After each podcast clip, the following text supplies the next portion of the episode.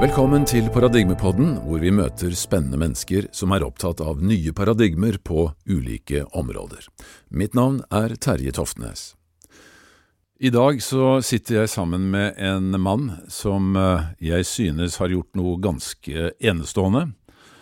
Han heter Terje Simonsen. Han har skrevet eh, en bok som har eh, blitt veldig godt mottatt, og det dreier seg da om våre skjulte evner. Denne boken som Når var det den kom ut, Terje? Den første norske versjonen kom ut uh, i 2013. Og så er den også kommet ut på engelsk. Og på et par andre språk også? Uh, den er kommet på engelsk og på tsjekkisk, og så håper jeg å få til en spansk oversettelse om ikke så lenge. Og dette er altså en bok som handler om den såkalte paranormale delen av vår virkelighet. Den engelske utgaven, som er på over 500 sider, heter A Short History of Nearly Everything Paranormal. Our Secret Powers, Telepathy, Clairvoyance and Precognition. Um, det som Terje har gjort, er at han, har, han sitter altså nede i en uh, bortgjemt sørlandsby som heter Mandal, som ikke akkurat er verdens navle. Men allikevel så klarer han å skrive en bok som høster så fantastiske kritikker, jeg håper å si nesten verden rundt, at uh, det er bare å ta av seg hatten. Han har uh, som sagt fått gitt den ut uh, på flere språk. Han har ikke minst vunnet noen ganske solide internasjonale priser. Så Terje, jeg må først av alt bare få lov til å gratulere deg med en kjempejobb som du har gjort. Og jeg må jo da spørre, hva i all verden eh, slags bakgrunn har du som er i stand til å prestere noe sånt, som får sånn oppmerksomhet, og som får så fantastiske krit kritikker fra fagfolk innenfor dette skal vi si, området verden rundt? Ja, det kan du si. Det var vel eh, blanding av historier fra venner og familie da, som eh, fortalte om erfaringer av telepati og klarsyn. og og en del sånne fenomener som ikke står på det vanlige kartet over psykologi. Og f.eks. min ingeniørbestefar i Kristiansand, han kunne svært ofte høre bestemor en halvtime før eh, hun kom hjem fra byen. Og dette var jo lenge før mobilens tid, og bestemor kom av og til klokken ett, av og til klokken fire. og Det var liksom ikke mulig ut fra bare rutinene sine hun kom. Men uh, hun hadde da det som heter vardøger, som er et gammelt norsk. Ja. ja. Uh, og, og, da vil det si Det er som regel et auditivt fenomen, da, og at uh, man hører lyden av en ankomst en periode, f.eks. 20-40 minutter typisk, før den reelle fysiske ankomsten skjer. da. Så bestefar ville da høre at hun kom i ytterdøren, åpnet den, det var en nokså sånn bråkete lyder. det husker jeg godt fra da jeg var, var liten gutt og besøkte de. Og så kunne han høre skrittene opp trappen, og at hun da kom inn i stuen. men var ikke der. Og så eh, en halvtime senere så kom hun på akkurat den måten. da. Og det ble så rutine for han at han etter hvert, når han hørte vardøger til bestemor, så gikk han til komfyren og satte på potetene. For da ville de være ferdige omtrent til hun kom hjem, da. Så han var maskiningeniør, eh, maskinsjef på mølla i 40 år, og en uhyre nøktern mann. Og hadde vel aldri satt sin fot på et, verken på et bedehus eller en alternativ messe, tror jeg. ja. Men, ja, men, du har jo også en, en faglig bakgrunn eh, fra universitetet som, ja, som har uh, gitt deg skal vi si, en, en, grunnplattform til å kunne utforske disse tingene? Det er korrekt. Jeg har et hovedfag i idéhistorie, og innenfor idéhistorien da så har jeg holdt på mye med de esoteriske tradisjoner, altså dvs. Si de tradisjoner som er på siden av, av hovedstrømningen innenfor religion og filosofi. Uh, i, uh, i, Vesten vil det typisk si det som kalles hermetisme, f.eks. Også gnostisisme og kabbala og, og, sånne tradisjoner. da. Og Jeg hadde også som veileder hadde professor Jan Erik Ebbestad Hansen, som var vel eh, Han er jo emeritus blitt nå, eh, han har altså pensjonert seg, men eh, han var vel kanskje Norges største ekspert på mystikk og, og disse tradisjonene, og også redigert flere bøker om dette emnet. da. Så jeg fikk han som veileder, og da skrev jeg om Janus, som var et antroposofisk tidsskrift, da, som har betydd mye f.eks. For, for forfattere som Jens Bjørneboe og André Bjerke. Den delen av norsk kulturliv som ikke var kulturradikalere, men som samtidig ikke fant sitt åndelige hjem i en vanlig kristendom, men ønsket å se på liksom hva kan du si, en, ha et større perspektiv på tilværelsen. da som, ja. Så, så, jeg skrev om det, da, og da brukte jeg jo nokså mye tid på å fordype meg i de, de historiske røtter da, i europeisk uh, okkultisme, uh, engelsk golden dawn og ja, de forskjellige igjen esoteriske tradisjoner. da. Mm. Men så ga du deg selv dette oppdraget om å skrive denne boka. Det var jo en ganske vanvittig idé, for det jo, må jo ha vært en kjempejobb, rett og slett? Det var jo det, eh, men det var en personlig interesse, da, som jeg sier. Historier som familien fortalte, og venner, da. Og så eh, ble jeg litt nysgjerrig, da. Så eh, sjekket ut såkalt profesjonelle klarsynte, da. Og det var kanskje spesielt én erfaring der, da, hvor hvor Aftenposten i sin tid hadde testet ut en del klarsynt, og de var ikke imponert. Men det var én de var imponert over, da. Jeg skal ikke gi navn og drive noen reklamer eller noe sånn, og han har vel også egentlig pensjonert seg etter hvert, men iallfall så ringte jeg til han, da, for det at den journalisten hadde faktisk blitt imponert. Denne klarsynte her hadde sagt at du kommer til å komme på en reise mellom de to byene, men du kommer til å reise i motsatt rekkefølge enn det du har planlagt, og det kommer en prest som vil være med deg på denne reisen, og dessuten kan jeg se at du får god bruk for speilreflekskamera du just har kjøpt. Og så hadde journalisten just kjøpt et slikt kamera, og det kom en prest som ville være med han på reisen, og det ble noe tull hos reisebyrået, så han besøkte de to hovedstedene i motsatt rekkefølge. Så journalisten var nokså satt ut av dette. Så tenkte jeg dette er mannen jeg må snakke med, da. Så skulle jeg på en date da, dagen etterpå, var det vel, eller et par dager etterpå. Så spurte jeg han, eh, denne eldre karen, han var vel av taterbakgrunn, hvis jeg ikke husker feil. Og det betyr litt, for både sigøyner og tater har jo lange tradisjoner for å ta vare på disse fenomenene. da. Eh, så sa han jo da, det, hun liker det veldig godt, og dette blir hyggelig, og bla, bla, bla. Sånn mer generelle ting. Og så sa han på slutten, og så kan jeg fortelle det, at denne dama er 1,64 høy, sa han. Og det er jo nokså presis opplysning. Og Gjennomsnittshøyden på norske damer er vel 1,67,5 eller et eller annet sånt, så han kom ikke bare med et gjennomsnittlig tall. Han sa helt spesifikt 1,64. Så gikk jeg på den daten, og det ble riktig hyggelig, og vi pratet og sånne ting, men så kunne jeg jo ikke dy meg da utpå kvelden. da. Så sa jeg du, forresten, eh, hvor høy er du? 1,64. Så jeg tenkte at steike heller, åssen kunne han vite det, da? Så neste dag så ringte jeg opp og spurte hvordan i alle dager kunne du vite det?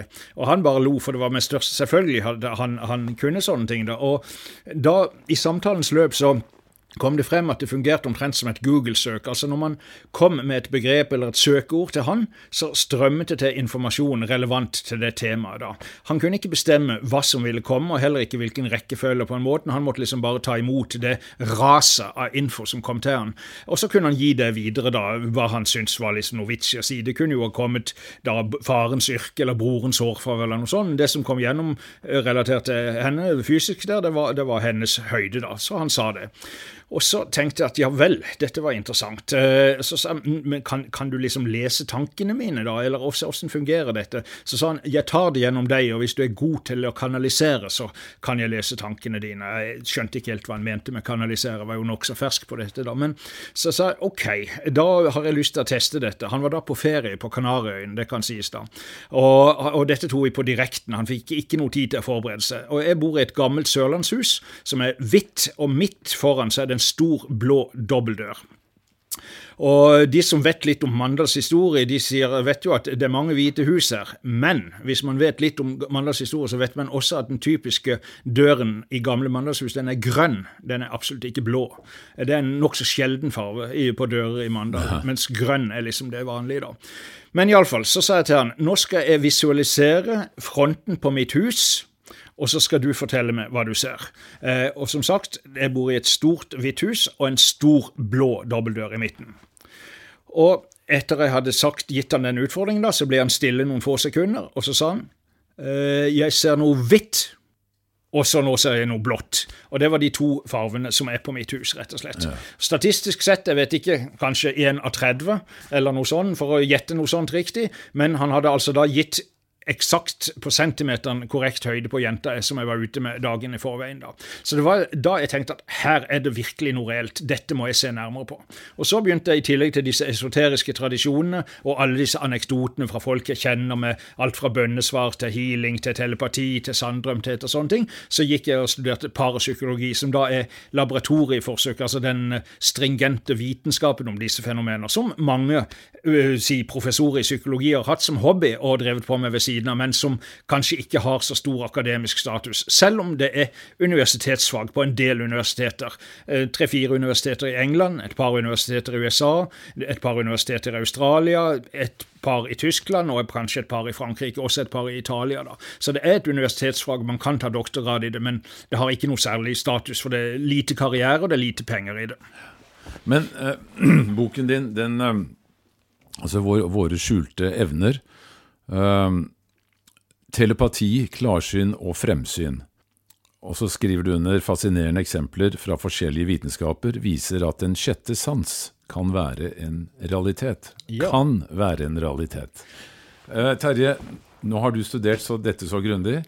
Kan det være en realitet, eller er det en realitet? Mellom oss sagt, og betror han til programlederen, jeg er overbevist om at det er en realitet. Men man skal velge sine ord med omhu. og ikke være dogmatisk. Og veldig mange caser som fortelles, kan jo være fremsatt av folk som har et ønske om sine 15 minutter i rampelyset, eller vil imponere familien, eller har spist fleinsopp eller andre ting. ikke sant? Eh, så, så, derfor velger jeg en såpass åpen formulering. Men personlig mener jeg at jeg har fått såpass mange eh, gode bevis på, på dette at, eh, at, jeg ikke er i tvil. Og min eh, måte å forklare dette på er jo at bevissthet er et langt større og mer komplekst fenomen enn det vi vanlig forestiller oss.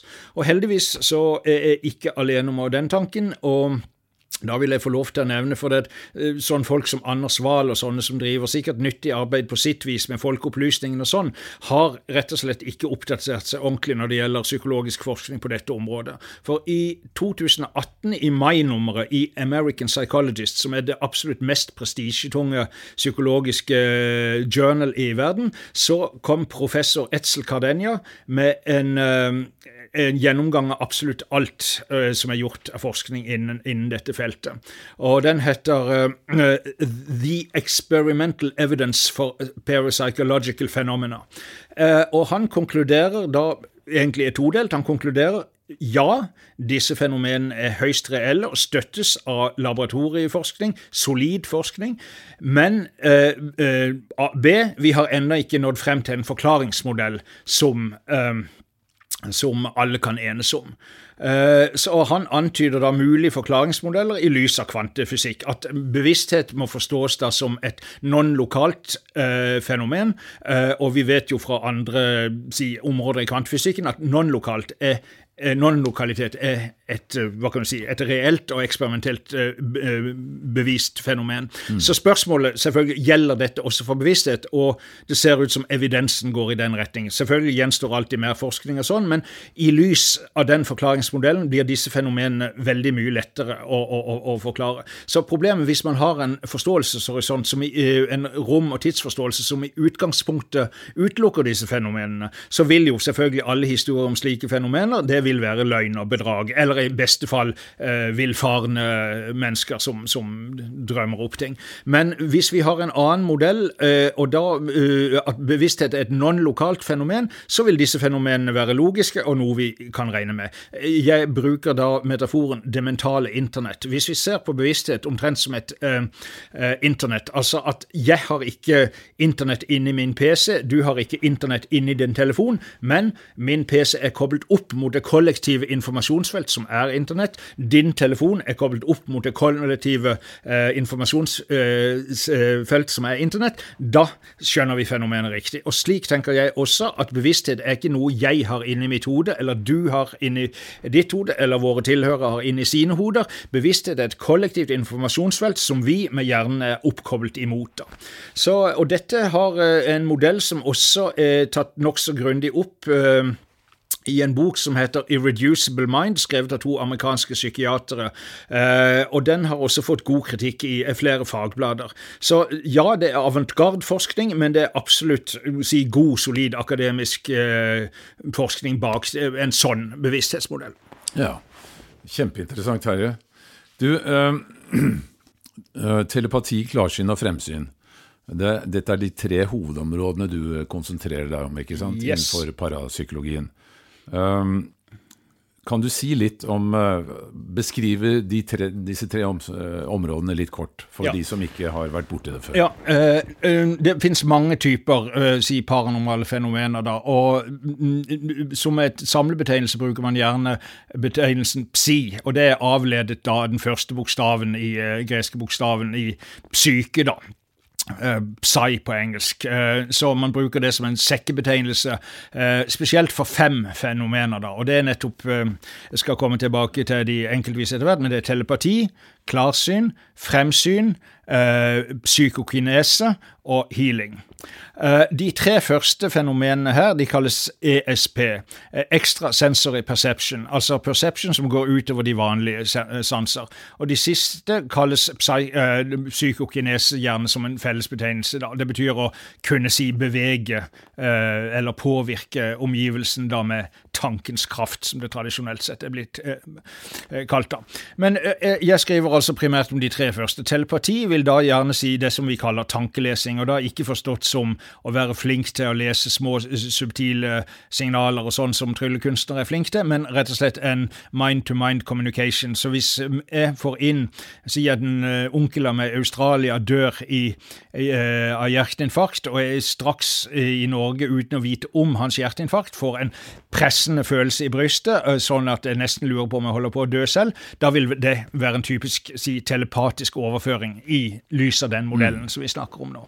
Kan jeg bare stille et spørsmål der? Er dette, har dette noe med av, fysisk avstand å gjøre? Er det lettere å ta inn sånne fenomener hvis du er i samme huset, eller Altså, Er man i samme rom, så ser man jo og hører, så da blir det jo selvfølgelig lettere. Men i prinsippet så skal det som skjer i Australia og det som skjer i nabohuset, egentlig være like tilgjengelige. Som jeg bruker i det mentale internettet, da bruker jeg bildet med, eh, fra England og USA, da, at, at en venn i York eller en venn i New York er like langt borte hvis du er på internett. Altså, Er du på nett, så er du på nett. En venn i Vennesla og en venn i Venezuela er like langt borte hvis du er på nettet. Så dette er nettopp noe som er et non-lokal eh, overføring av informasjon. Eh, så, så mm, som jeg sagt, i samme rom så vil det selvfølgelig være langt mer informasjon tilgjengelig, men i prinsippet så, ti 10 meter og 10 kilometer, det skal være det samme.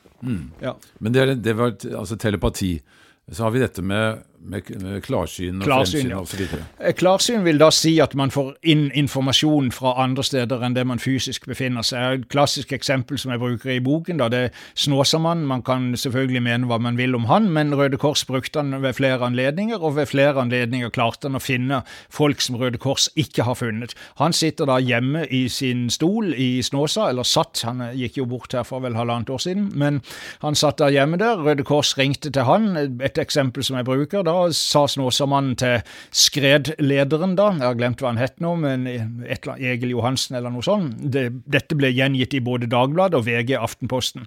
Eh, og så spør han da ja, kan du forestille deg dette stedet, og så sier han ja, nå ser jeg det for meg. Ja, Og så begynner Snåsamannen detaljert å beskrive det området han ser for seg, og så skal dere gå ned der, og så skal dere leite der, og der vil dere finne henne. Og så gjorde de det, og der lå den avdøde, rett og slett. Og dette er noe han har gjort flere ganger. Det vil være et eksempel på klarsyn, at man får inn informasjon fra et annet sted enn det man kan se med, med sine fysiske øyne. Nå er jo dette opp gjennom historien mye brukt faktisk i både kriminalsaker og, og det å lete etter eh, avdøde personer, personer, eller forsvunne personer. Da. Men, eh, men igjen så er det jo veldig mange uoppklarte saker innenfor eh, skal vi si eh, det kriminelle, eller Ja, altså ja, ja. bortkomne personer som ikke er funnet. Altså hvorfor, eh, Uh, ja, Vi har jo en sånn nylig sak med denne forsvinningen på Lørenskog f.eks. Hvorfor, mm. har, hvorfor har ikke de brukt klarsynte til å finne denne damen som de har lett etter? Ja, Nei, eh, altså det er et, det som er min konklusjon når det gjelder dette, det er et høyst reelt, men også et høyst usikkert fenomen. og Det er mange feilkilder. Og så er det alltid wannabes. Det er folk som har lyst til å komme på TV, og det er veldig mye rart innenfor dette. her. Jeg har testet ut haugevis av klarsynte, som jeg sa til deg før vi begynte mm. intervjuet. Tror knappest noen i Norge Norge har snakket med så mange klarsynte som meg, både i Norge og internasjonalt. Og det er veldig mye eh, hva jeg vil kalle honest liars ute går. De har kanskje evne på en god dag, har de litt, så får de et eller annet sånn, men så tror de de kan veldig mye mer enn de kan, og de tror de kan det hele tiden. ikke sant? Så her må man være ydmyk. Og som jeg sier, selv om du har plystret en liten melodi, så ikke det, det betyr ikke at du, er, at du er Ludvig van Beethoven av den grunn. ikke sant? Altså Man kan ha små tilløp til evner, men det betyr ikke at man er så god som det trengs for virkelig å si, forutsi lottotall eller finne et lik som har vært forsvunnet eh, eller gått bortgjemt. Eh, ja, du skjønner. Men det er, det er jo mange som, eh, som, har sånne show på dette, ikke sant? Som ja. trekker store publikummer, og som plutselig ser bestemoren til en eller annen som har en beskjed osv. Hva, hva syns du om den type bruk av, av sånne evner? Det, er sikkert noen som kan det der også, men jeg, jeg har aldri vært, vært, veldig glad i det. Det er liksom show på en måte da. Jeg mener at det er en helt naturlig evne som vi alle har, for den er tilknyttet den felles bevissthet som vi alle deler. Så det er egentlig ikke noe mystisk. Altså eksistensen vår, at jeg sitter her og snakker med deg nå, det er mystisk, og det kan ingen forklare, tror jeg. Så selve eksistensen vår er et ubegripelig mysterium. Men dette fenomenet fenomenet klarsyn er egentlig ikke så veldig mye mystisk enn hva som helst annet i, i vår mystiske verden.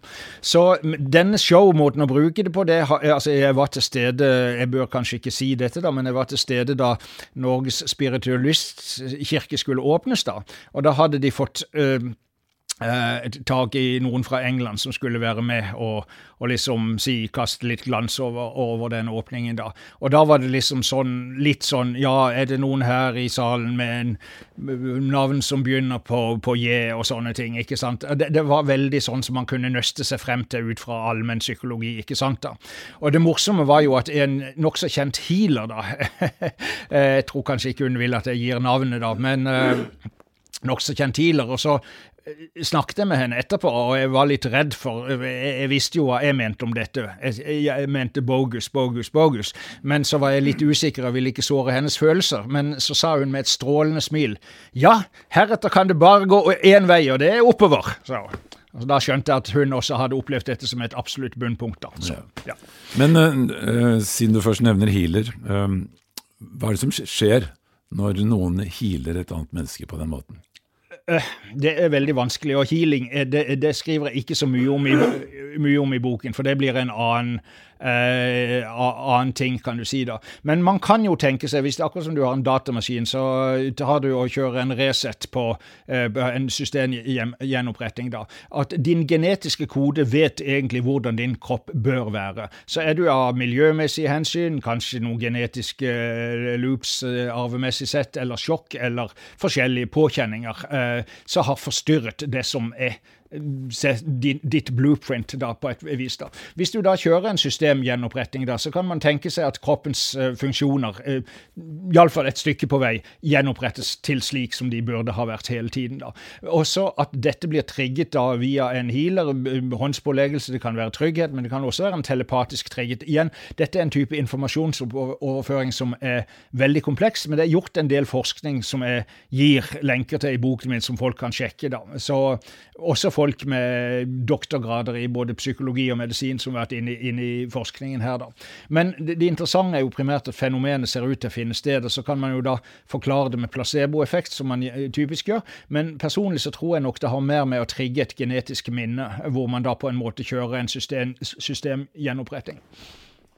Um, vi har også denne dette området som vi kaller for fremsyn. Hva kan du si der? Ja, eh, som sagt ESP, eh, e altså det er da de tre evner eh, telepati, klarsyn og fremsyn. Og fremsyn ligger jo i, i natur at man da får informasjon fra noe som fra det som vi vanligvis vil kalle fremtid. Da. Og ty vanligste fenomenet der, det er sanndrømthet. At du har i drømme et veldig klart bilde av et eller annet som skjer. Eh, med, altså, du ser en situasjon utspille seg, og så skjer den da. F.eks. to-tre dager senere, eller kanskje et par-tre uker senere. Eh, jeg kan ta et eksempel fra boken. da Det var en uh, venn jeg har gått sammen med på skole, og han har heller aldri satt sin fot på noe bedehus eller alternativmesse, og han hadde vært på fylla. Eh, og så hadde han lå han og sov ut rusen, da, og midt uh, inni der så kommer det en stemme Jeg tar og anonymiserer nå, så, som kommer til han og sier at Reidar kommer til å vinne i Lotto. Eh, og så sier stemmen videre men du kan selv vinne, eh, vinne, disse pengene hvis du ønsker.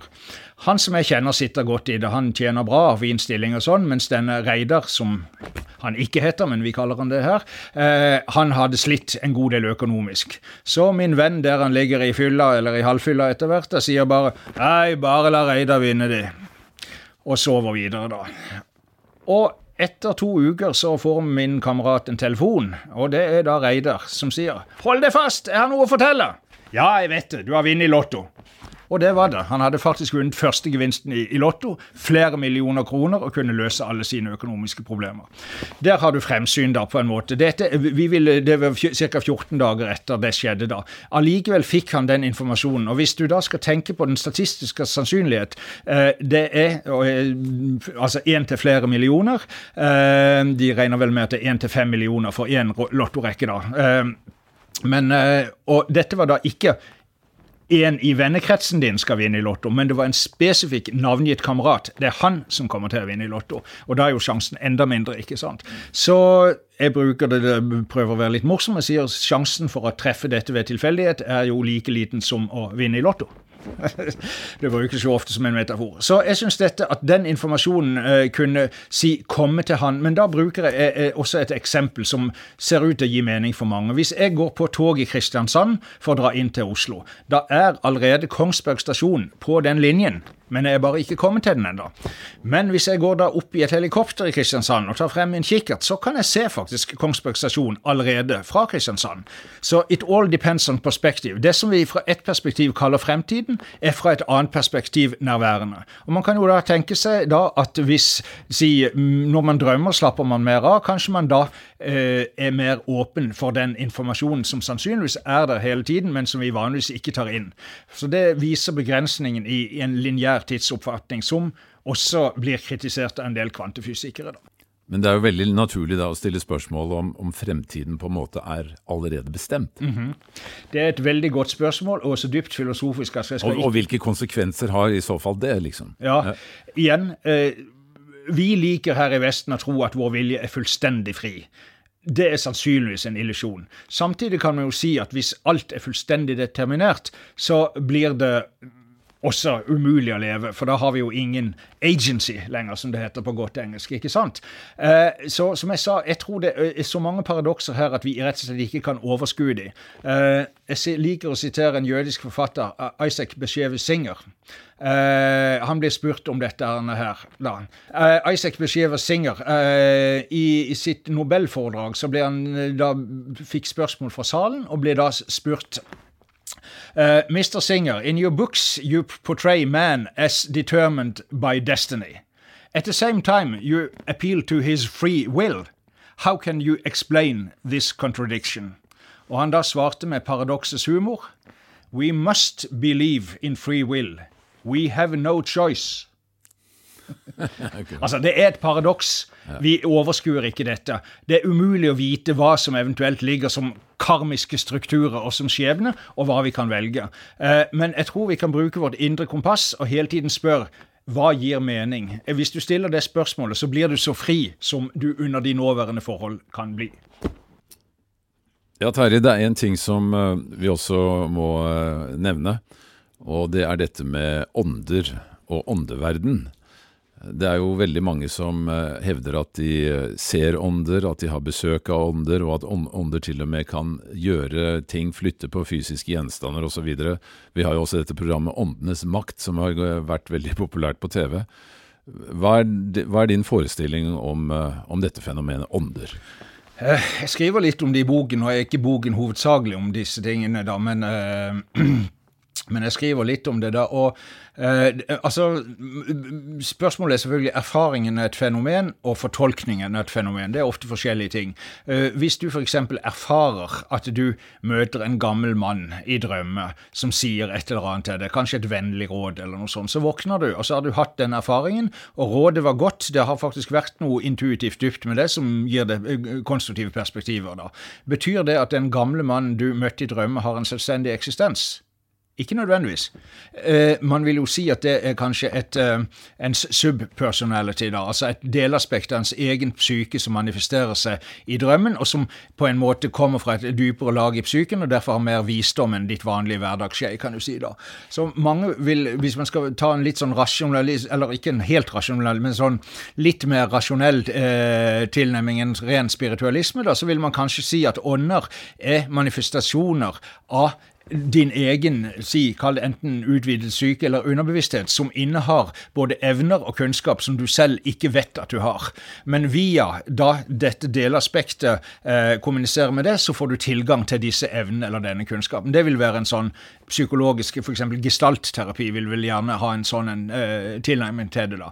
Men man kan selvfølgelig ikke uh, ut, uh, altså Hvis vi da oppfatter bevissthet som en sfære i seg selv, ikke sant, et kollektivt informasjonsfelt, det kan jo svært godt være at det finnes da entiteter, jeg vil si bevissthetsstrukturer på dette feltet da, som på en måte kan influere på vår bevissthet. Så Jeg syns det er et veldig vanskelig Jeg skriver en del om det, og jeg vil ikke komme med noe konklusiv uttalelse om dette. Fenomenet, erfaringen av ånder, er høyst reelt og kan da gi både kunnskap og en del andre ting, da. altså Poltergeist-fenomenet hvor møbler kastes opp. og eh, altså Det er et kjent fenomen.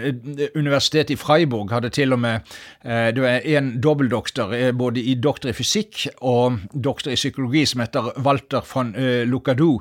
Han hadde et eget kontor som kunne hjelpe med eh, folk med poltergeist. og Det var lønnet av delstaten eh, i, i, byen Freiburg. Altså, så Hvis du hadde kommet hjem og fant at møblementet var kastet hulter til bulter, så kunne du gå til eh, doktor Lucadou og få hjelp med dette. For hvis du går til forsikringsselskapet, så sier de at dette er en fest som er kommet ut av kontroll, beklager, du får ikke noe tilbake. Eh, men det er faktisk såpass vanlig at sånne ting skjer, og, og Lukadu holdt på med dette kontoret sitt i 20 år. Så igjen, erfaringen av ånder er reelt, men hvordan det skal tolkes, det er vanskelig. Jeg har ingen, intet svar på det. Så Det er jo mange mennesker som også kan fortelle at uh, de har sett uh, slektninger uh, materialisere seg på en uh, måte rett foran de mm. uh, i øyeblikket etter at vedkommende har dødd. Mm. Altså, De vet jo ikke at vedkommende dør, men plutselig så står altså, moren din eller faren din i døråpningen og sier nå drar jeg, takk for alt. Og så ringer telefonen ti minutter etterpå fra sykehuset og mm. sier at nå døde nettopp faren din ikke sant, eller moren din. Er det også en del av denne såkalte åndeverden?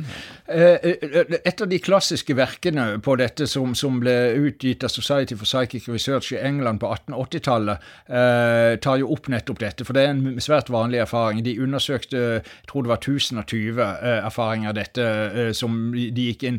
Og, og, og, der mente man at dette ikke er ånder, man mente at det er telepati. Altså en telepatisk overføring av informasjon. da. Så, og der var jo nettopp personen stadig stadig i, i, i live, ikke sant. Uh, så uh, altså I parapsykologien uh, pleier man å være mer glad i å snakke om telepati når det gjelder sånne fenomener, enn at det er en annen spirituell entitet som står bak. ikke sant? Igjen, det er svært komplekst, dette her, for hvor begynner det ene, og hvor slutter det andre? Så jeg er åpen for det meste, men har ingen konklusjoner utover det at erfaringene er høyst reelle.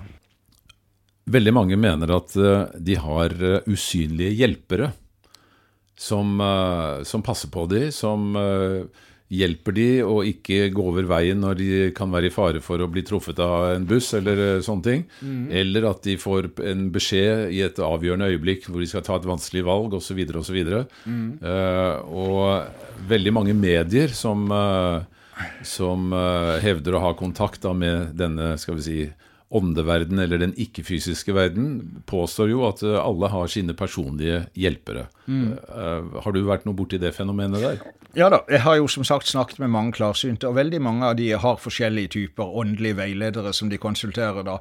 Og noen oppfatter dette som f.eks. en snill bestefar som var vis og klok, og som stadig er med fra den andre siden. Andre oppfatter det som eh, uh, si mer spirituelle vesener, kall det engler, da, eller eh, den slags, at det ikke-menneskelige vesener, disse entitetene, da. Så det er også forskjellig, men, men jeg kjenner flere historier da hvor, hvor folk har da på en måte opplevd inngripen av, av, sånn. Men igjen, altså i parapsykologien er man ikke så glad i å være spiritualistisk. Altså Man mener at dette, alle sånne erfaringer, ja, de er reelle, eh, men de tilhører den menneskelige sfære. Man trenger ikke innføre ånder eller engler for å forklare dette her.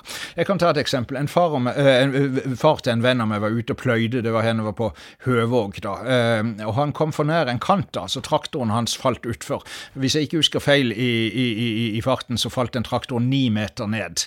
Så, og det er relativt høyt. Og traktoren falt, og han falt. Men det som skjedde da, de siste meterne, var det liksom så var det som en luftpute kom mellom han og traktoren, og han landet helt stille på traktoren etter et fall på ni meter, ikke en skramme. Oi. Og så spørsmålet, Var dette psykokinese, en dyp kraft i hans egen syke som ble aktivert i en krise, eller var det en ånd som kom inn, en bestefars ånd som så sin sønnesønn i fare og ville hjelpe han, eller var det en skytsengel som katolikkene tror på, som kom inn og hjalp han? Det skal jeg ikke si, men jeg har ingen grunn til å tvile på erfaringen. For det er en hederlig mann som ikke drikker og ikke har vært borti verken psykedelika for mye eller vært Ja, du skjønner, så ja. Du har et um kapittel i boka di som heter Militærmystikk et klarsynt blikk på den kalde krigen. Ja. Fortell litt om det. Eh, det er relativt lite kjent, og folk tenker lett konspirasjonsteori eh, med dette. Men faktisk hadde den amerikanske militære og CIA hadde et program i 20 år hvor de prøvde å bruke klarsynte som spioner. Og det var jo selvfølgelig avfødt av den kalde krigen, da, og man hadde hørt et rykte om at russerne brukte slike, da. Så tenkte man ok, hvis de har det, så vil vi også ha det. Og det viste seg jo etter tid at uh, russerne hadde vel nærmere russerne og de andre europeiske land nærmere 50 laboratorier hvor man forsket på sånne ting. Men faktisk, morsomt nok, så kan det se ut som at russerne hadde satt i gang sin forskning på dette, basert på at de trodde amerikanerne allerede hadde ting på gang der. Så det er en litt sånn interessant småparanoid ting, da. Men forskningsprosjektet er reelt, og man har bevilgningen og hvilke si, personer som var involvert i dette, og hvilke ulike etater. Og det er jo eh, var med som sagt militær, og det var tollvesenet, og det var haugevis av si, offentlige instanser i USA da. Og man forsket på dette gjerne med bruk av tidligere soldater som hadde overlevd, overlevd i ekstremt vanskelige situasjoner. Eh, tanken var at man, man Kanskje hadde de en sjette sans som var så velfungerende, og hadde gjort at de gang på gang hadde kommet seg unna. da. Eh, hva er forskjellen på klarsyn og intuisjon? Det er ikke så lett å si. Personlig tror det er en sømløs overgang der, da, men man tok iallfall disse som hadde overlevd i veldig vanskelige situasjoner ved flere anledninger, og brukte de som forsøkspersoner ofte. Og da viste det seg jo da, når prosjektet ble evaluert etterpå, så var det en professor i statistikk som het Jessica Utz. Hun har skrevet flere lærebøker i statistikk, og hun mente at det var sterkt signifikante resultater.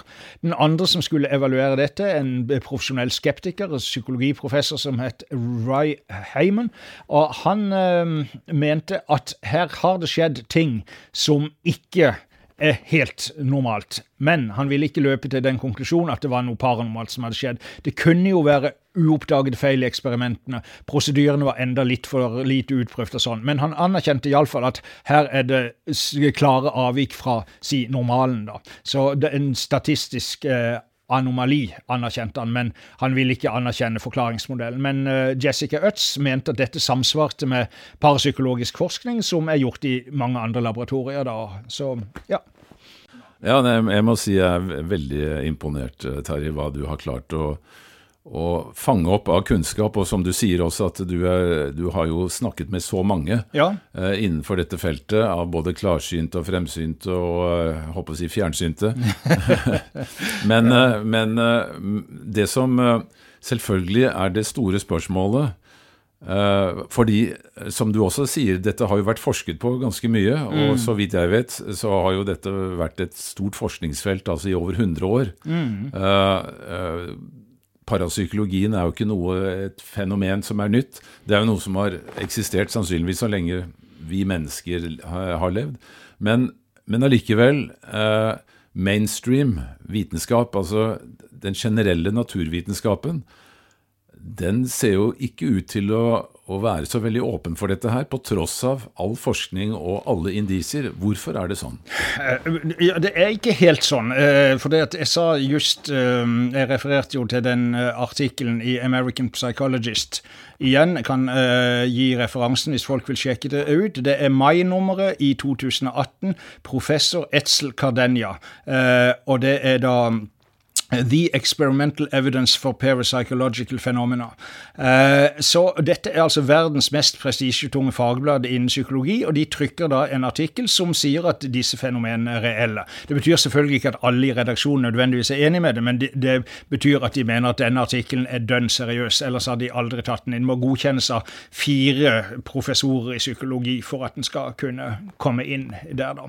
Så, og så viser det seg også når de har intervjuet, de har gjort sånn enkette, det er vel heter, ved amerikanske universiteter, at svært mange fysikere, spesielt kvantefysikere, er åpne for realiteten av fenomen, disse typer fenomener. For de mener at i lys av Hvis man ser på bevissthet som et kvantefenomen, da, på en måte som, som følger si non-lokalitetens lover, hvis en kan si det på den måten, så er ikke disse fenomenene så rare, egentlig. Det er bare at vi, i si, vår vinkellogikk og A4-tankegang, så har vi liksom Å ja, dette er bare rare folk som løper rundt i lilla sjal i skauen og spiser fleinsopp som tror på og sånne ting. da.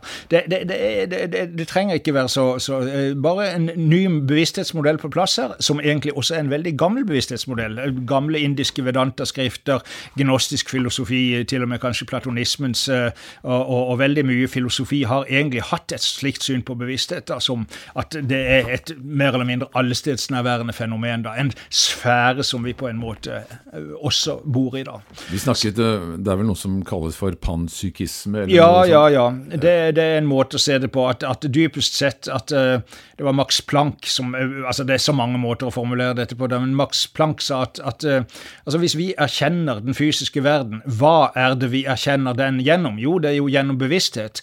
Altså Vi kommer ikke bakenfor bevissthet. Bevissthet er på en måte sisteinstansen for oss. Vi kan si at ja, bakenfor vår bevissthet, vår bevissthet er produsert av visse materielle fenomener i hjernen og sånn, men det blir også en slags påstand på en måte. Altså Det vi har, det er bevissthet og de fenomener som eh, si, konstitueres i bevissthet. Så, så vi, eh, som Max Planck, kvantepioneren, sa, vi kommer ikke bakenfor bevissthet. Så det, Panpsykismen vil da si at i siste instans så vil også atomer og alt den slags som vi på en måte opplever som materiell, det vil være hva vi hva kaller kondenserte bevissthetsfenomener. Man kan tenke seg akkurat som is. Eh, is er jo vann som er kondensert og kommet på et lavere energetisk nivå. På samme måte så vil man, materie være mulig å forstå som bevissthet på et si, kondensert lavere energetisk nivå. Det er masse filosofier her som er så komplekse. Du kan på en måte kalle altså, materien for frossen bevissthet, ja, hvis du bruker et sånt begrep? Det bruker jeg som en formulering i boken, ja, det er helt ja. riktig. ja. Så, men en del fysikere, som sagt, den enketten jeg nevnte, jeg tror det var 40 av, av fysikere ved amerikanske universiteter som mente at jo da, det er en reell mulighet for at disse fenomenene faktisk er virkelige. da. Fysikere er ikke noe særlig opptatt av det, gjerne. for det at ja, hva har det med min eh, virkelighet å gjøre, med mine laserstråler og med, med, med mine bevilgninger og med min lærergjerning osv.? Så, videre. så det er ikke så stor interesse for det, men uh, det er svært få fysikere som, som sier absolutt bann og bein dette kan ikke være reelt. Og som jeg mener at det var 40% som mente at det er trolig eller til og med sannsynlig at at det er reelt. Men psykologer derimot, de er ofte mer skeptiske, da. Og det tror jeg går litt på en karaktersvakhet, at når man har studert psykologi i en seks-syv år, så tror man man vet alt. Og hvis dette da ikke passer på det kartet som jeg har tegnet over tilværelsen, map of reality, så nei, da finnes det ikke. Så fysikerne, som personlig jeg har langt større respekt for enn psykologer, de er langt mer åpne for disse fenomenene generelt sett. Men betyr det at, at dette fenomenet ikke omtales i psykologien, altså i, jeg, i læreboka på universitetet i det hele tatt? Veldig lite. Veldig lite. Hva kommer det av, tror du? Ja, Det går vel på nettopp det ordet som du er glad i, paradigmer. Altså Innenfor vårt paradigme så er dette fenomener som er helt marginalisert. Eh, og igjen, i den vanlige terapeutiske hverdag, å få folk til å slutte å drikke, komme tilbake på jobb eller komme gjennom en sorgprosess og sånne ting, man ser kanskje ikke relevansen av sånne fenomener. Jeg har snakket med en del erfarne psykoterapeuter som absolutt ser relevansen, men den jevne psykolog i sitt daglige arbeid, enten det er terapi eller undervisning, ser vel kanskje ikke at dette har noe Ok, hvis det er noe med det, så er det sannsynligvis vært en liten fotnote i en artikkel, men skal dette brukes masse penger på, liksom? De ser ikke, ser ikke det. Men eh, du sier jo at uh, dette er evner som alle egentlig har i, til en viss grad. Ja. Uh, hvorfor tror du noen da har det så mye mye sterkere enn andre?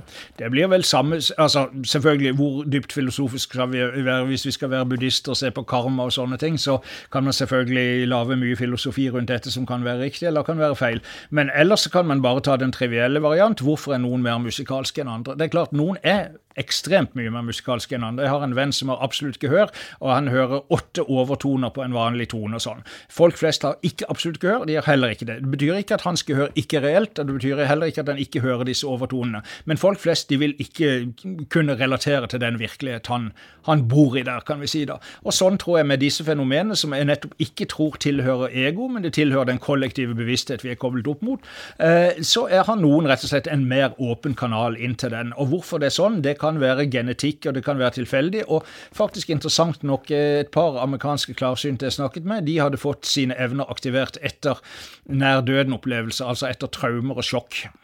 Så man kan tenke seg da at uh, den brannmuren vi til vanlig har på for å filtrere bort informasjon fra det mentale internettet, den sjokkes ut av funksjonen, og dermed flommer det på inn informasjon. Det er omtrent som å fjerne nettopp brannmuren på PC-en, og plutselig popper det opp med alt fra uh, operasang til pornografi til whatever, liksom. ikke sant? Så, så, den filtreringen som vi gjør for å leve et rimelig harmonisk dagligliv, hvis den settes ut av funksjon, så kan det strømme på med informasjon for dette. Og noen er da født med en åpnerkanal. og og andre kan eh, via traumer få kanal, og noen kan bevisst gjennom meditasjon og øvelser erverve, eh, åpne denne kanalen. ja. Altså Det er noen som, eh, som, snakker om at hjernen er en slags reduksjonsventil. Ja.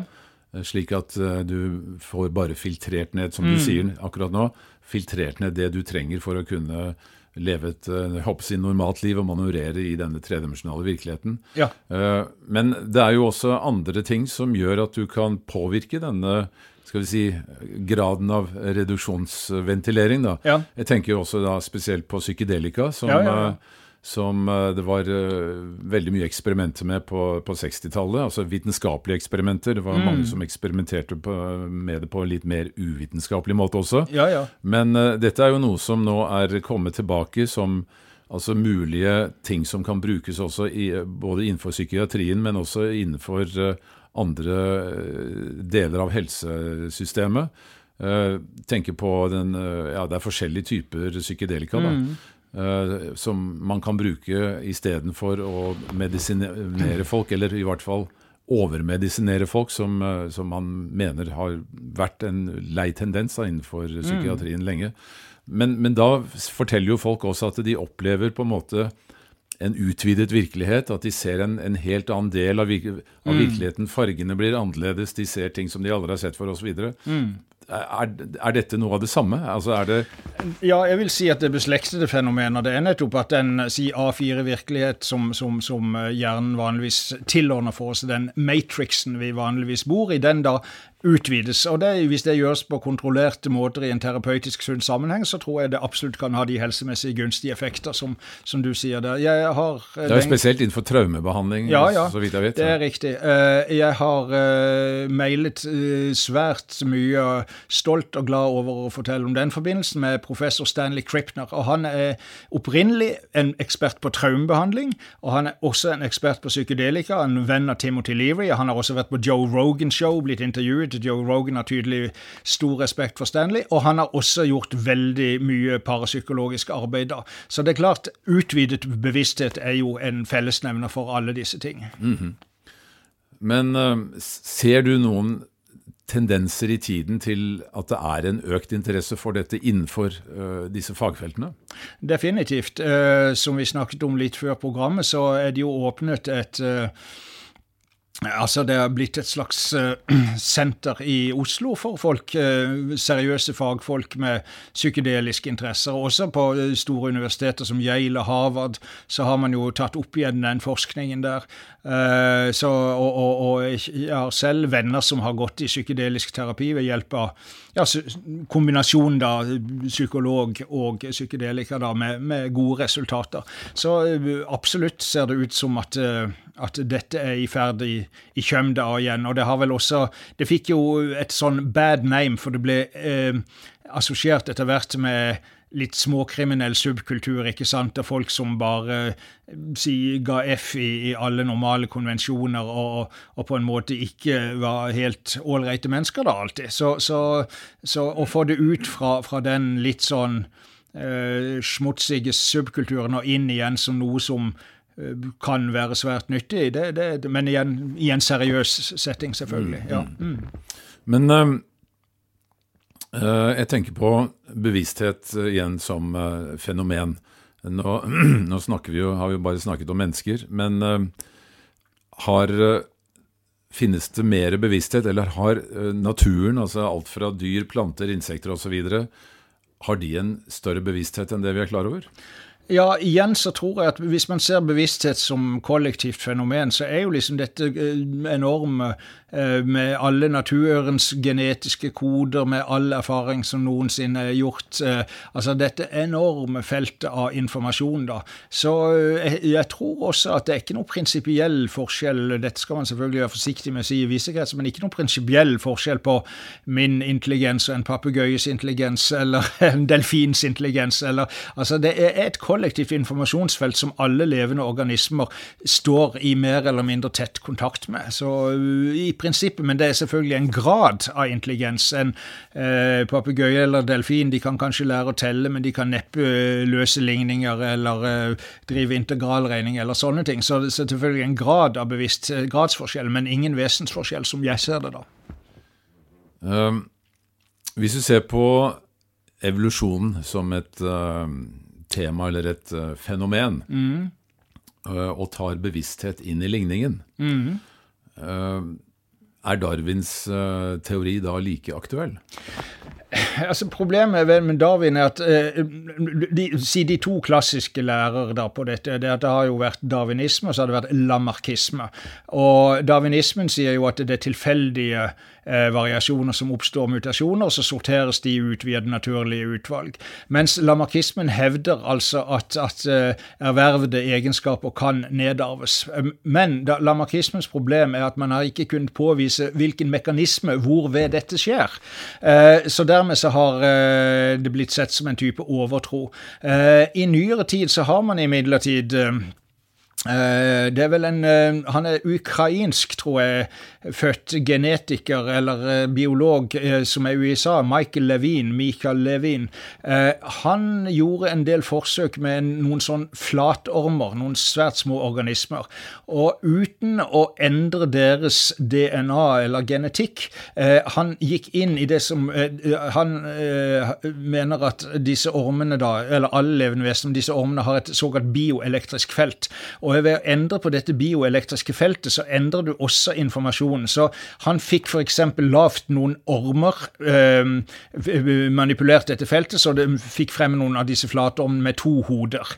Og når disse tohodede ormene formerte seg, så fikk også avkommet to hoder. Og da har du plutselig at den egenskapen som er ervervet via manipulasjon der, er blitt nedarvet. Og det skal ikke kunne skje ifølge eh, eh, si klassisk darwinisme, iallfall. Men dette stemmer jo egentlig med lamarkismens påstand, som har vært ubegrunnet frem til helt moderne tid, at det foregår en slik overføring av informasjon. Det kan være da at Michael Levin er inne på den mekanismen hvor med slik overføring kan finne sted. De har også gjort et tilsvarende forsøk. Det var tro det samme ormtype, da. Eh, disse ormer er redd for lys, men de elsker lever, for de spiser lever. Så da har man klart å betinge noen av disse ormene bort fra frykten for lys. For man har gitt, gitt ormene lever mens det var lys til stede. og Dermed forbinder de plutselig lys med noe positivt. Og det viser seg at avkommet av disse ormene da er mindre redd for lys enn vanlige ormer. For de har lært via informasjon som foreldrene har ervervet, nemlig å forbinde lys med positiv eh, betinging, med, med, med, å få spise lever. Da.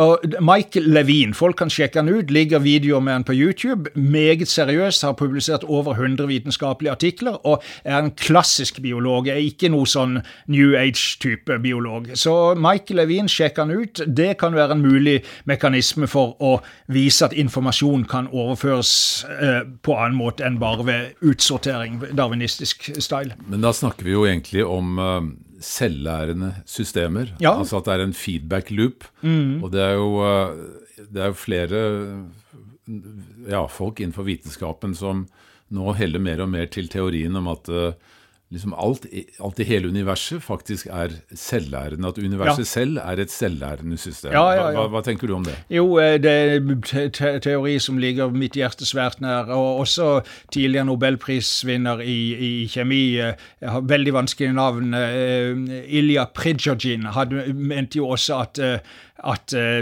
nettopp et selvorganiserende system, og også en del kaosteoretikere ser det jo på den måten. Og det makes sense, både for utviklingen i naturen, det kan forklare at hvis universet lærer sin egen erfaring med seg selv, så blir da den kollektive minnebanken større og større, og det, man kan tenke seg at det gjør da at fremtidige mutasjoner vil ha tilgang til mer fordelaktig informasjon enn tidligere generasjoner hadde. Og også passer godt med det personlige at det, vår erfaring av telepati er den individuelle erfaring av nettopp den type informasjonsoverføring. Dette er nokså komplekst, men jeg skriver en del om dette i boken. Så, og du kan nevne at boken i sin tid fikk god kritikk i tidsskrift fra Den norske legeforening. Bravo. Du, øh, ordet informasjon går jo igjen her veldig mye nå. Ja.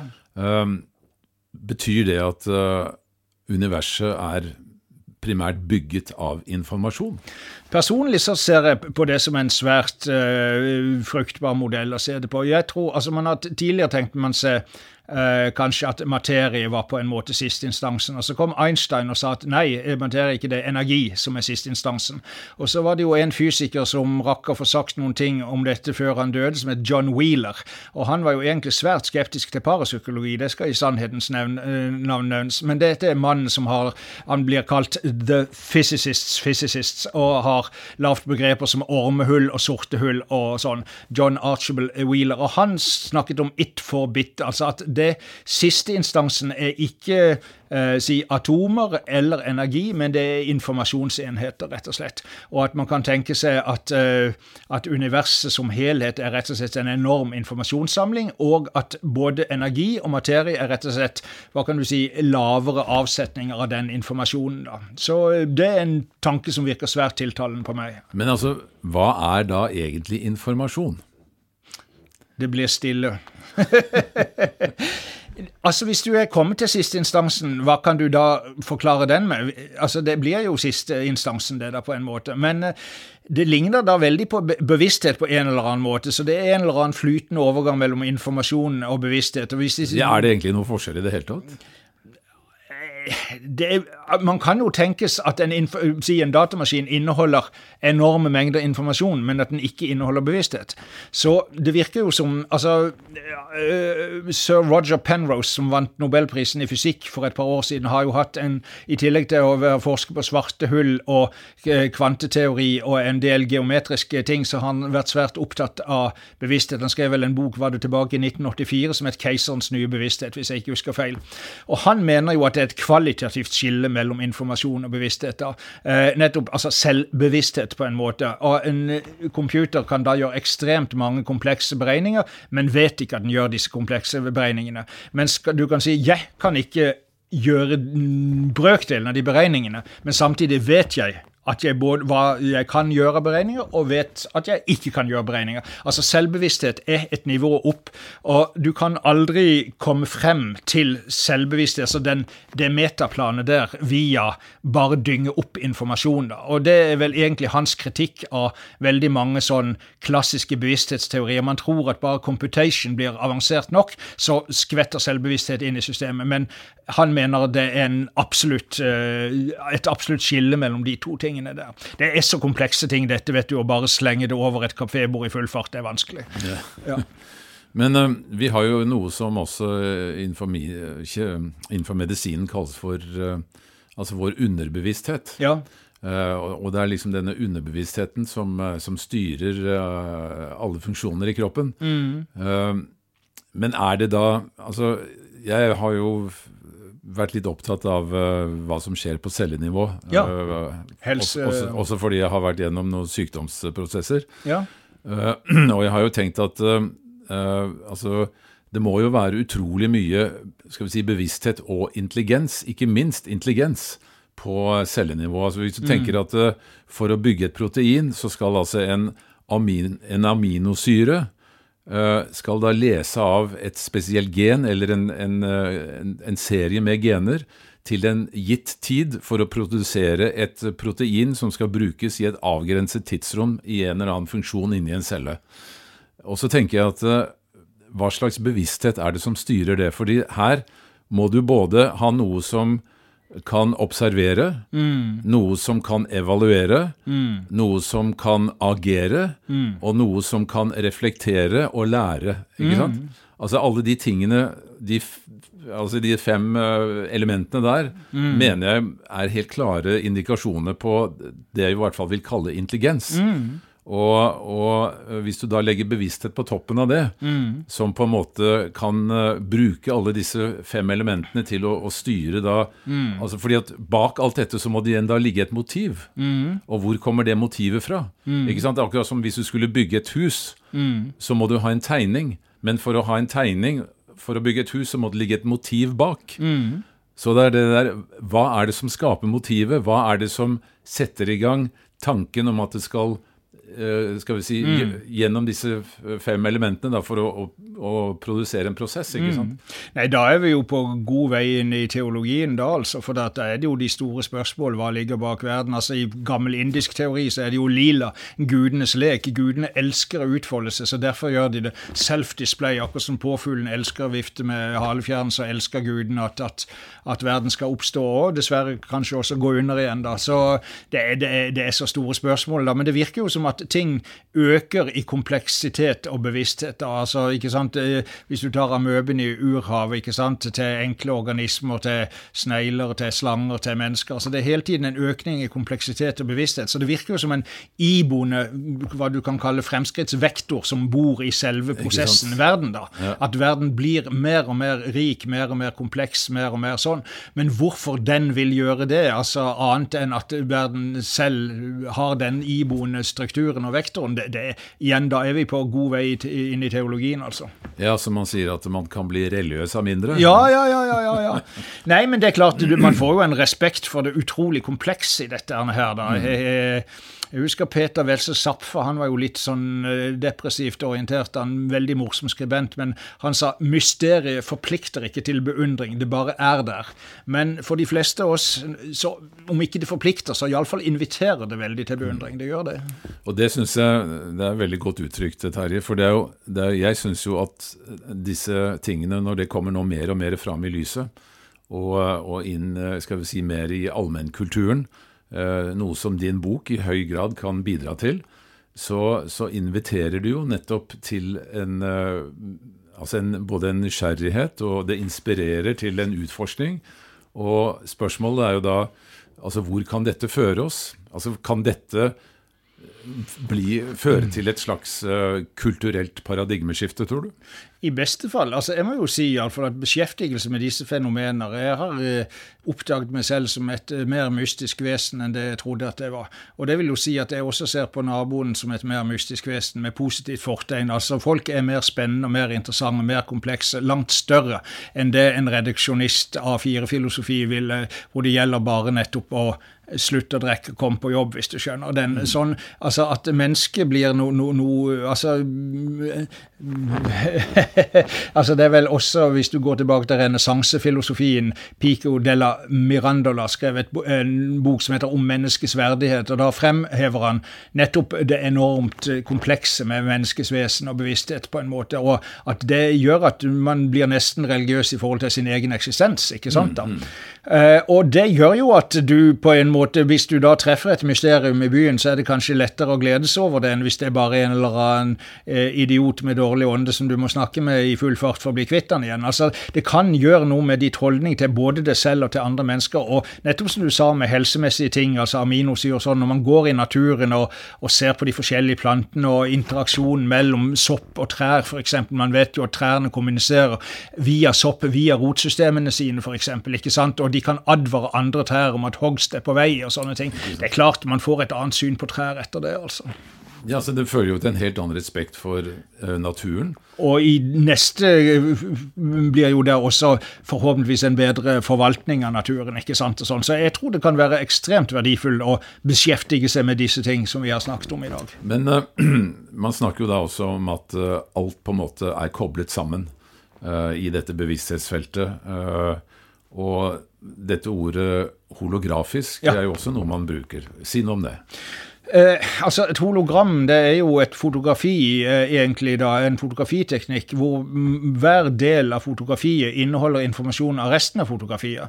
Og Det er blitt brukt på rockekonserter og mye sånn med sånn litt kul effekt, for man kan få, få da en figur til å stå midt i rommet på en måte. da. Eh, men, men, man kan tenke seg det gamle poetiske eh, si, uttrykket vel for, for hologram, det at vanndåpen speiler universet. Så hver liten del av en helhet gjenspeiler resten av denne helheten.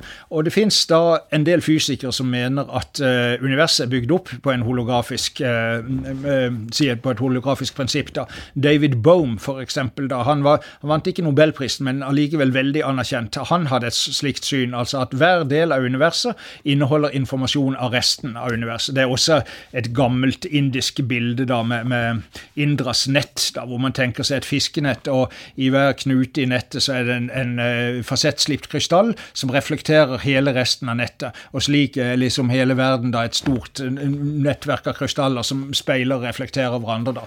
Alt henger sammen med alt. Det er det holografiske prinsippet. Og som sagt, en del fysikere da, uh, spesielt David Bohm, er berømt for dette. Og jeg syns det virker som en spennende tanke, og også i lys av at de fenomener som jeg har holdt på med, da, så kan man da tenke seg at um, hvis det faktisk er slik, da, så, så er ikke bevissthet lokalisert inni mitt hode, men det er distribuert ut uh, i hele hologrammet, på en måte. da. Altså Non-lokalitet er ikke bare et rart fenomen, men det er en integrert del av hele verdens uh, si, dypstruktur. da. Og det er en tanke som tiltaler meg svært.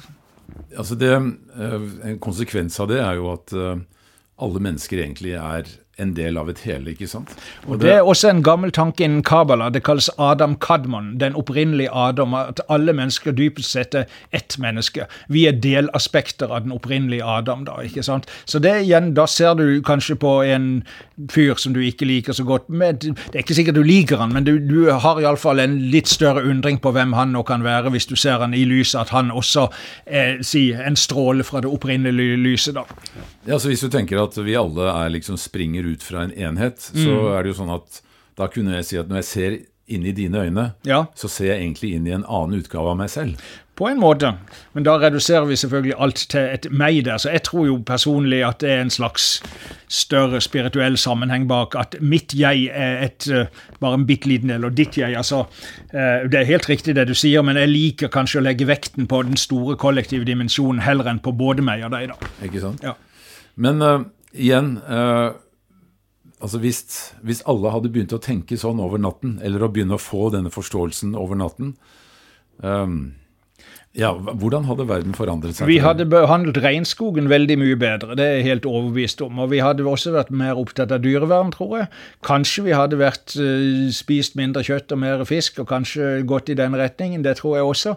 Og vi hadde behandlet uh, andre mennesker på en litt bedre og litt mer respektfull måte. Så jeg tror har, vi har bare godt av å gå inn i denne tankeverdenen her. Altså det, du har jo selv vært glad i å bruke ordet paradigmeskifte, og jeg tror en sånn måte å tenke på vil være, si, være med å drive frem det paradigmeskiftet som, som, som, vi kanskje trenger for å kunne bebo denne planeten videre. Veldig, veldig fine tanker, Terje. Men uh, før vi avslutter, så er det en ting som jeg tenkte vi bare kunne drodle litt rundt. Uh, og det er altså dette begrepet sjel. Mm. Uh, altså Kan man se på mennesket som tredelt? At vi, liksom, vi har en fysisk kropp, vi har et mentalt sinn, og så har vi en sjel? Eller er, er det, hva, hva, skal vi kalle dette? Og igjen, hva, hva, er det i oss som er koblet mm. mot dette skal vi si, kollektive tankefeltet? Hva, hva tenker du om, om, begrepet sjel? Det er selvfølgelig vanskelig, da. Eh, det er jo det, det har jo ikke noen plass i, i, i moderne psykologi, men det har jo en enorm plass i klassisk europeisk både filosofi og, og, og i teologi, selvfølgelig. da. Men hva, hvis vi da ser på det østlige, da, så vil man jo nettopp da tenke at, at sjelen da eh, reinkarnerer. Det, eller det er iallfall veldig vanlig i buddhistperspektiv og hinduperspektiv. da, Litt forskjellige utgaver der. da, Noen mener graden av kontinuitet er større i hinduismen enn, enn i buddhismen, typisk. da. Men iallfall det at når den fysiske Jeg skriver vel i siste kapittel i min bok, som sier jeg kan man fortsette Eh, sin blogg når PC-en bryter sammen. Og da kan man tenke det at hvis man dypest sett er dette informasjonsfeltet som ligger bak både kropp og si vanlig bevissthet, da, så, så, kan man jo tenke seg at, at kroppen og, og, og, sånn dør, mens den informasjonen da på en måte eh, si blogger videre i en ny kropp når den tid kommer. da. Eh, det er jo en del forskning der, spesielt eh, kanadisk psykiater som heter Ian Stevenson, som gjorde eh, studerte en del såkalte reinkarnasjonsminne-caser, da, eh, hvor et barn foregir å være en helt annen person og ha en helt annen identitet, og gir gjerne konkrete eh, navn på både by og, og si annen familie hvor den hører til. Så viser det seg når man går til arkivene til den og den by, på i 1952 i Arkansas, i den lille byen der, så bodde det faktisk en barberer som het eh, Fred Johnson, som hadde fire barn, men den tredje døde etter så og så. Altså, man kan sjekke disse opplysningene. Ayan Stevenson sjekket 3000 sånne caser over store deler av verden, eh, og fant da at det var ofte stort samsvar mellom hva barnene fortalte, og det han fant i arkivene. Og Dette arbeidet er fortsatt fortsatte med en annen psykiater som heter Jim Tucker, University of Virginia i dag, som har skrevet en del eh, om dette, og mest fra vestlig. da. De tradisjonelle reinkarnasjonscasene er jo ofte fra India buddhistiske kulturer, og noen har ment å forklare det, det bare for det tror man jo alle på sånn, så da er det jo liksom bare en del av den si, kollektive forestillingsverden. da, Men uh, litt derfor har Jim Tucker gått inn på amerikanske og vestlige caser, da, og også Stevensons siste bok var vel 20 europeiske caser. da, Og også en del av disse tingene tingene da et barn forteller f.eks. For om at han var født der og der, og ble skutt på nært hold da han var 17 år gammel. Så går man altså til sykehuset og ser på likskuefotografien, og så ser man et lik som er 17 år gammel og har akkurat de skuddmerkene som dette barnet beskriver. Så kan man si det er tilfeldighet, manipulasjon og sånne ting. Personlig så syns jeg det virker som at det er noe her. Så får folk heller gjøre seg opp sin egen mening etter å ha sjekket dette. Men, men det er iallfall en god del ting som indikerer at bevisstheten ikke forsvinner forsvinner når kroppen forsvinner. Vi har jo også dette fenomenet med nær døden-opplevelser, selvfølgelig. Altså dette at folk eh, dør på operasjonsbordet og blir vekket til live igjen ti minutter etterpå. Mm. Uh, som også jeg personlig har, Jeg har hatt flere tidligere episoder uh, i podkasten med nettopp uh, som omhandler det der. Og jeg syns jo også det er noe av det sterkeste indisiene på, på nettopp dette at bevisstheten, eller ja, igjen sjelen din, da. Altså, mm sjel, bevissthet, eh, ånd, hva skal vi kalle det?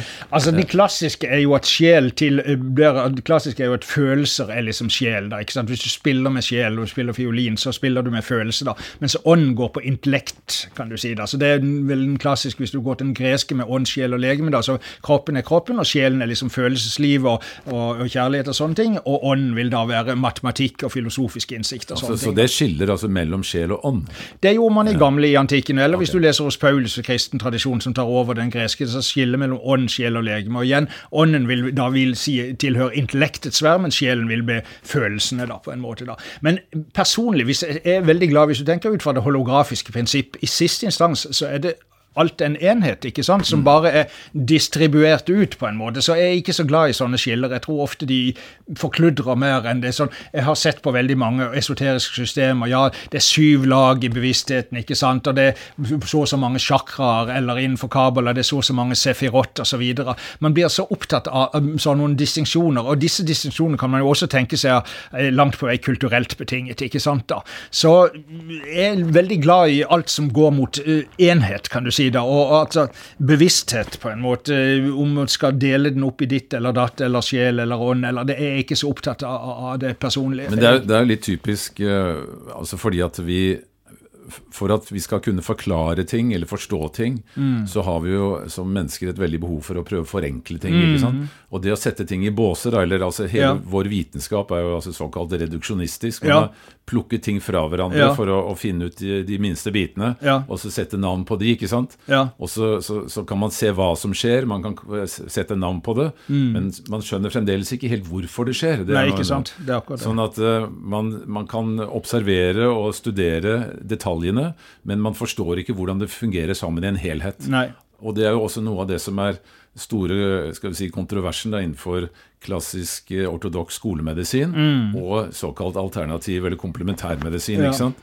Som man sier at skolemedisin behandler organer, mm. mens eh, komplementærmedisin behandler mm. organismer. Mm. Altså helhet kontra mm. del, ikke sant. Mm. Så det er vel det at vi, for å forstå ting, så har vi hatt et sånt veldig behov for å, å, å putte ting i bås og dele det opp. Mm. fordi det å forstå helheter er utrolig mye mer komplisert. Det er jo det, men det er jo, man har, ser jo det innenfor f.eks. hvis du vil forstå et samfunn, da, bare ta sosiologi, så man kan jo ikke bare forstå én person. Man må forstå han i forhold til hans familie, i forhold til hans nærmiljø, i forhold til hans eh, land og kultur og historie og hans yrke. Altså, det, en, all forståelse er kontekstuell. Det var noe vi lærte på idéhistorie. ikke sant da? Og også i såkalt systemteori, Gregory Bateson og sånne ting, og moderne folk, sånn Ervin Laslo og sånn. det er alt eh, man, man, ting kan kun forstås i lys av andre ting, og i hvilken helhet de fungerer. Man kan ikke forstå en fuglevinge for, uh, uten å se den i forhold til luften som fuglen skal fly. i. Man kan ikke forstå øyet uten uh, lyset det skal ses med, ikke, eller man skal se med øyet. ikke sant? Så, så alle organer må forstås i den helhetssammenheng de skal fungere. ikke sant? Så jeg, Personlig så syns jeg at kinesisk medisin da virker spennende der, da, for de tenker alltid på helheten. da. Mm. Så jeg vil jo tro at jeg har ikke, det er noe jeg kunne tenke meg å se mer på. Men altså den klassiske kinesiske medisin tenker jo veldig med yin-yang og, og, og, balanse mellom polariteter og sånn. Og de har jo også full tilgang til moderne vestlig skolemedisin. Så kanskje en integrert type medisin hvor man kan bruke en del teknikker som er utviklet i Vesten, sånn operasjon, kirurgi og sånne ting, hvor man nettopp går inn på organer, men og da har et helhetsperspektiv på behandlingen, nettopp tenker da organisme, liksom. Mm. Ja. Ja, Terje, vi kunne snakket om dette i timevis. Men sånn helt til slutt, um, har du en, um, en, god historie fra det paranormale som du kan dele med oss? Som en liten avslutning? Uh, ja, jeg syns den var god, den jeg fortalte. Ja, det, han... Absolutt. Men uh, har du en til?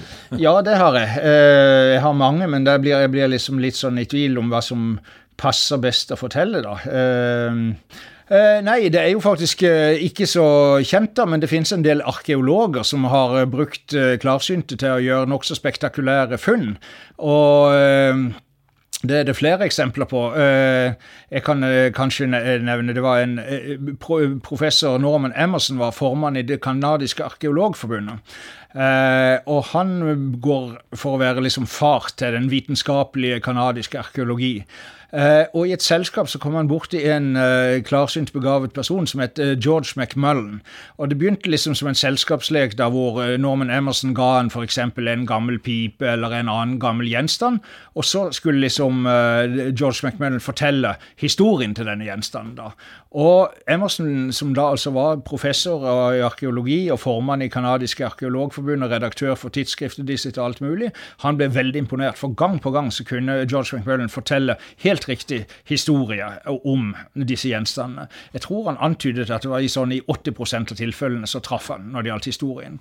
Og Det begynte altså som en selskapslek, dette, men etter hvert så ble han med ut på gravninger også, da. Og gang på gang så klarte han å dirigere arkeologen til hvor de skulle gjøre disse funnene. da. Og det var en spesiell eh, case der hvor eh, en arkeolog som heter Reed. Han var en elev av Emerson da.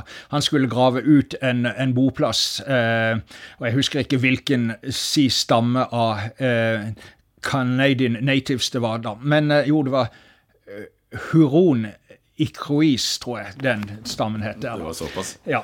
Men der var det iallfall en svær palisade som de ikke kunne finne. Og enhver landsby måtte liksom omgi seg en palisade for å beskytte mot fiender. ikke sant? En sånn svært tømmer eh, sånn eh, gjerde da. Men det var helt forsvunnet. Og de hadde lett, det var vel i to gravesesonger, masse arkeologer eh, hadde ikke klart å finne denne palisaden. Eh, så de var i ferd med å gi opp, men da foreslo Emerson ja, men snakk med George Rackbullen, kanskje han kan hjelpe. Han ble flydd inn på gravningen. Og han gikk raskt hen til et sted og begynte å beskrive sånn og sånn og sånn. Og sånn.